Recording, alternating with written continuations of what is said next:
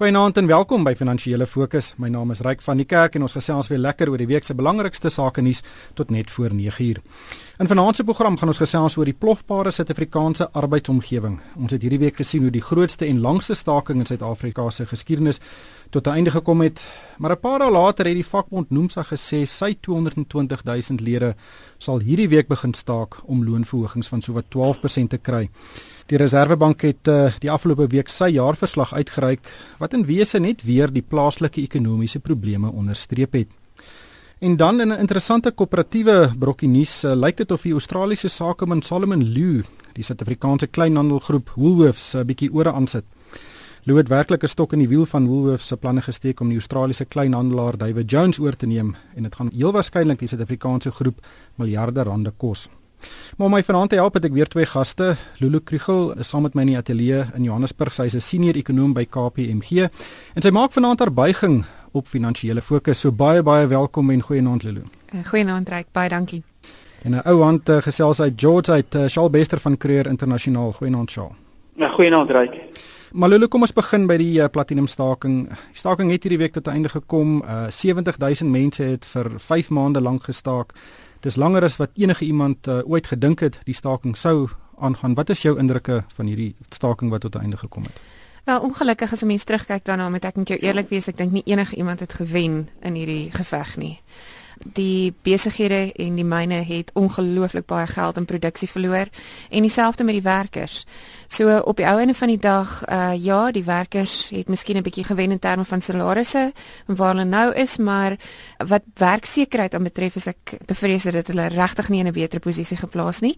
Sover my kennis trek en ek ken natuurlik nou nie al die detail van die ooreenkoms nie, maar was daar geen ooreenkoms rondom afleggings nie. So wie weet waar dit kan gaan. Hulle kan in elk geval binne die volgende paar maande of 'n hele 'n hele paar duisend van hulle buitendiens sonder werk sit wat uh, op die ou ende dan lei tot 'n situasie waar niemand regtig gewen het nie.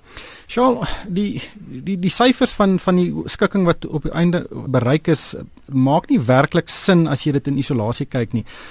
Van die eerste aanbod wat gemaak is tot die ene wat geteken is, het die werkers se uh, belang se maandelikse verhoging gestyg met R932 per maand. En om hierdie R932 per maand te kry, het hulle R52000 opgeoffer. Weet enige persoon kan vir jou sê dit maak net eenvoudig nie sin nie, maar tog het die werkers gedink hulle het 'n oorwinning behaal omdat hulle vir die werkgewers gewys het dat hulle kan saam staan en vir so lank tyd opoffer om 'n beginsel te probeer bewys. Wat is jou indrukke? Ja, ek dink um, ek is ek is heeltemal verbaas dat hulle bereid was om soveel prys te gee om uiteindelik wat wat nog steeds 'n goeie verhoging is, maar 'n geringe verhoging in dit wat aanvanklik geëis was. Ehm um, nou goed, dit verhoog daarom die basis en ons weet die toekomstige verhogings gaan nou van hierdie hoër basis wees. Ek dink uh, wanneer mense met die werkers ook gaan praat en mense lees die media berigte wanneer daar met die werkers gepraat word, ek dink hulle sien dit as 'n groter oorwinning as wat dit werklik was. En uh, ja, dit dit dit slaan 'n mens net dronk dat iemand bereid is om soveel prys te gee, jou jou gesin, jou familie, die omstandighede waar jy lewe, weet weer soveel druk te sit om uh, in R900 of wat ook al stygings uh, uh, of verhoging in jou inkomste te kry. Dit dit dit, dit slaan my dronk en ek dink baie keer by die vakbonde waarskynlik ehm um, die onkunde van ongeskoolde werkers uit uh, en is daar dalk 'n groter politieke motief. Maar Lulu ons sit hier met 'n nuwe vakbond wat nou sy stem regtig dik gemaak het. Die hele staking het ook nie net gegaan oor 'n loonverhoging nie. Daar's baie baie politiek tussen AMKU en eh, die die noem. Daar's politieke spanning tussen van die die regering se verteenwoordigers en die vakbonde. Eh, dink jy die hierdie staking het 'n het 'n groter punt in die in die in die arbeidssektor gemaak, um, bloot as wat net op die ouende onderteken is? Ek dink verseker so. Ek dink 'n baie groot deel van uh, wat AMKU probeer doen het hier is, is om te bewys dat hulle 'n bestaansreg het en dat hulle hulle het in 'n omgewing ingekom wat deur noem gedomeineer is. Hulle moes hulle self laat geld. Hulle moes wys dat hulle daar is met 'n rede. Dit is hoekom ek dink hulle baie langer uitgehou het as wat 'n mens onder normale omstandighede sou verwag. Vakbonde in Suid-Afrika, soos vir dinge besig is om te verander, soos vir die struktuur besig is om te verander en soos vir daar jonger mense in die arbeidsmark inkom, sien ons dat hulle relevantie begin bevraagteken word. En daarom vanuit 'n politieke perspektief moet hulle hulle self weer laat geld, uh, jy weet vir hulle self 'n rol in 'n 'n omgewing skep en Amko as eh, 'n uh, nuwe speler moes definitief 'n paar drastiese dinge doen om seker te maak dat hulle relevant is. Maar nou kom die kom Nomsa hierdie week gesê uit 220 000 uh, werknemers is die grootste vakbond in Suid-Afrika. Ons gaan hierdie week staak en ons gaan geweldige ontwrigting in die vervaardiging en nywerheids sektore meebring. Ehm um, dink jy dit is 'n beginsel saak oor lone of weer eens net om te wys luister ons is die grootste vakbond.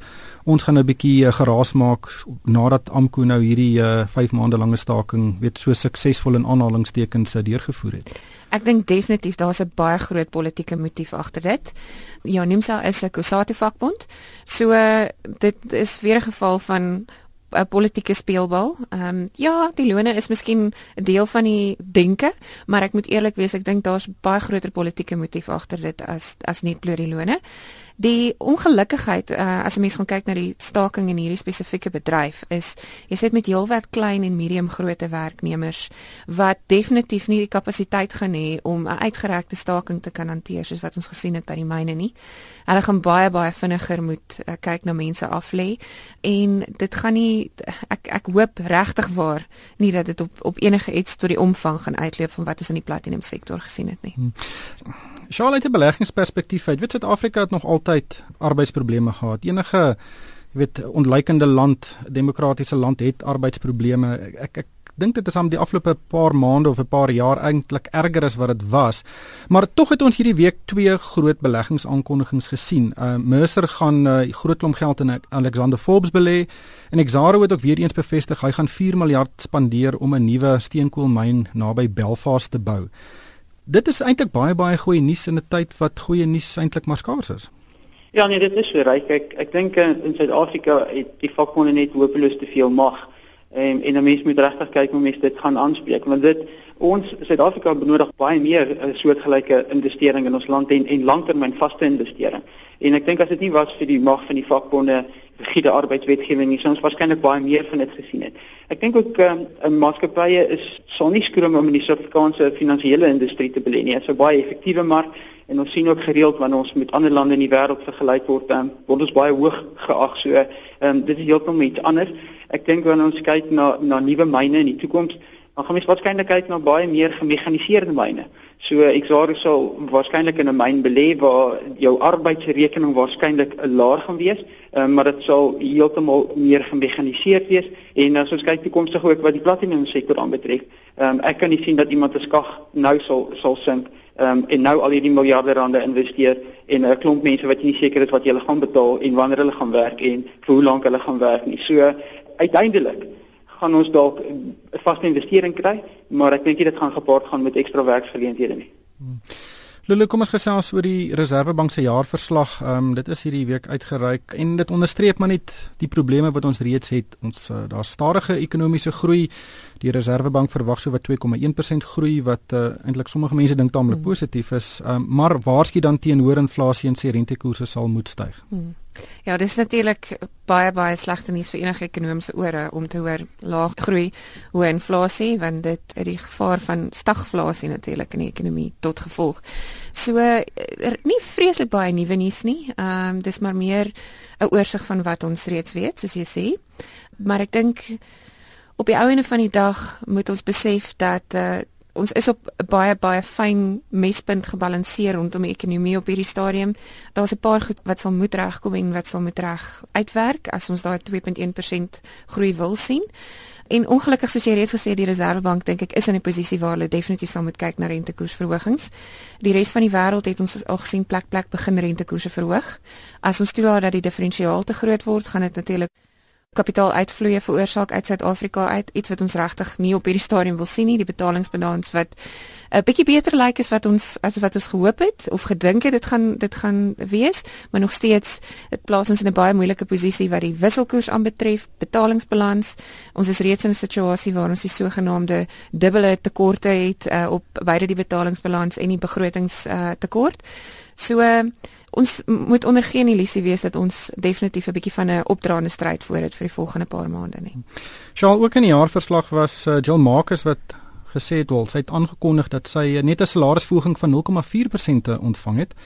Nou uh, sy is een van die mense wat altyd vir die vakbonde sê luister, julle moet julle weet meer realistiese salarisverwagtinge sê so sy uh, sy doen wat sy sê.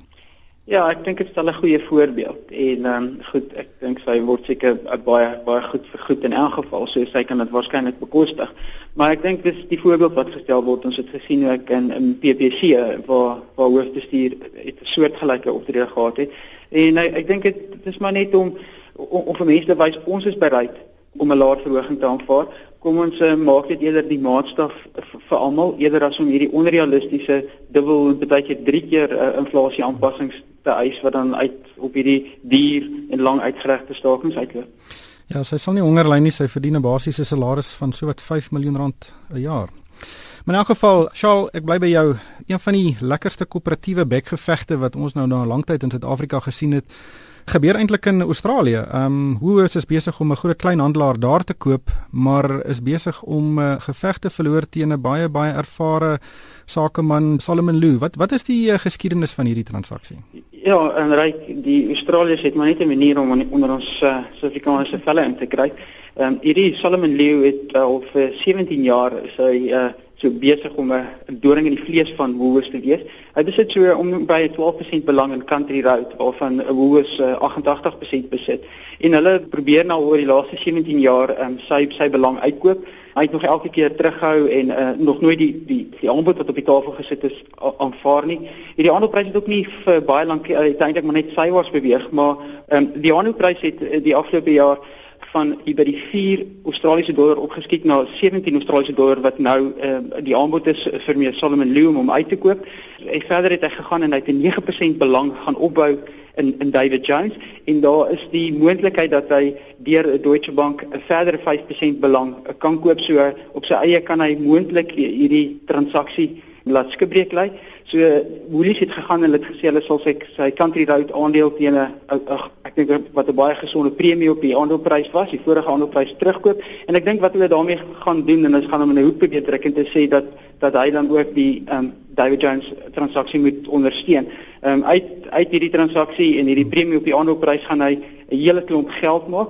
En uh, ja, ek dink David Moyer van Willies hoop uh, dat hy dit sal aanvaar, dat hy sal terugstaan, want ek dink nie hulle sal met David Jones wil voortgaan as uh, as as as hierdie Solomon op dieselfde manier by Country Road weet die doring hulle vlees was dieselfde tyd en dieselfde lang periode ook in David Jones se aandele gaan wees nie. So ons sal moet sien hoe dit uitspeel, maar ek dink 'n mens kan amper 'n fliek maak van van van hierdie hierdie storie uit afspeel. So daar's twee maatskappye. Woolies besit reeds omtrent 90% van Country Road. Ons sien reeds daai handelsnaam in die plaaslike Woolworths winkels hier in Suid-Afrika en hierdie Solomon Loo 10% van daai Country Road aan die een kant. Nou probeer hulle 'n ander maatskappy koop, David Jones, en toe gaan Solomon Loo en hy gaan koop nog 10% in daai maatskappy ook en hy kan met met daai 10% keer dat daai transaksie deurgaan. Ja, daar is 'n verdere 5% wat gehou word wat moontlik om uh, daai ekstra 5% stemreg kan gee wat nog nie direk aan sy naam gekoppel is nie. Hmm. Maar dit is waar die bespiegelings nou gaan dat hy dan die transaksie kan laat skibreek lê en uh, dat hy eintlik op hierdie stadium hoe hoe tot 'n groot mate gijslaar hou. So ek dink wat hy wil doen is hy wil vir teen die grootste moontlike prys sy belang in Country Road verkoop en dit maak nie vir hom sin nie en ek sy lewe is dit 'n is dit is dit 'n klein aandeel, maar uh, hy ek dink hy wil vir vir hoe hy so hard as moontlik druk om soveel as moontlik te betaal vir sy belang om seker te maak hy is in die toekoms nie deel van hulle lewens nie. En ek dink dit met dit wat hulle gedoen het by Country Road, is hulle waarskynlik bereid om dit te doen. Vir hoe is is hierdie David Jones transaksie baie groot, dit verteenwoordig omtrent 'n derde van hulle huidige markkapitalisasie. So dis 'n wesentlike transaksie. Ek dink hulle sal dit vinnig in die bed wil sit. Hulle sal daai sinergie wat hulle van praat so vinnig as moontlik wil laat uitspeel, daai kostebesparings en uh, ek dink nie hulle soek 'n klein aandeelhouer in daai maatskappy wat hulle net opdraande gaan gee nie. Dink jy uh Ian Moyer van Woolies het hier 'n uh, 'n flater begaan?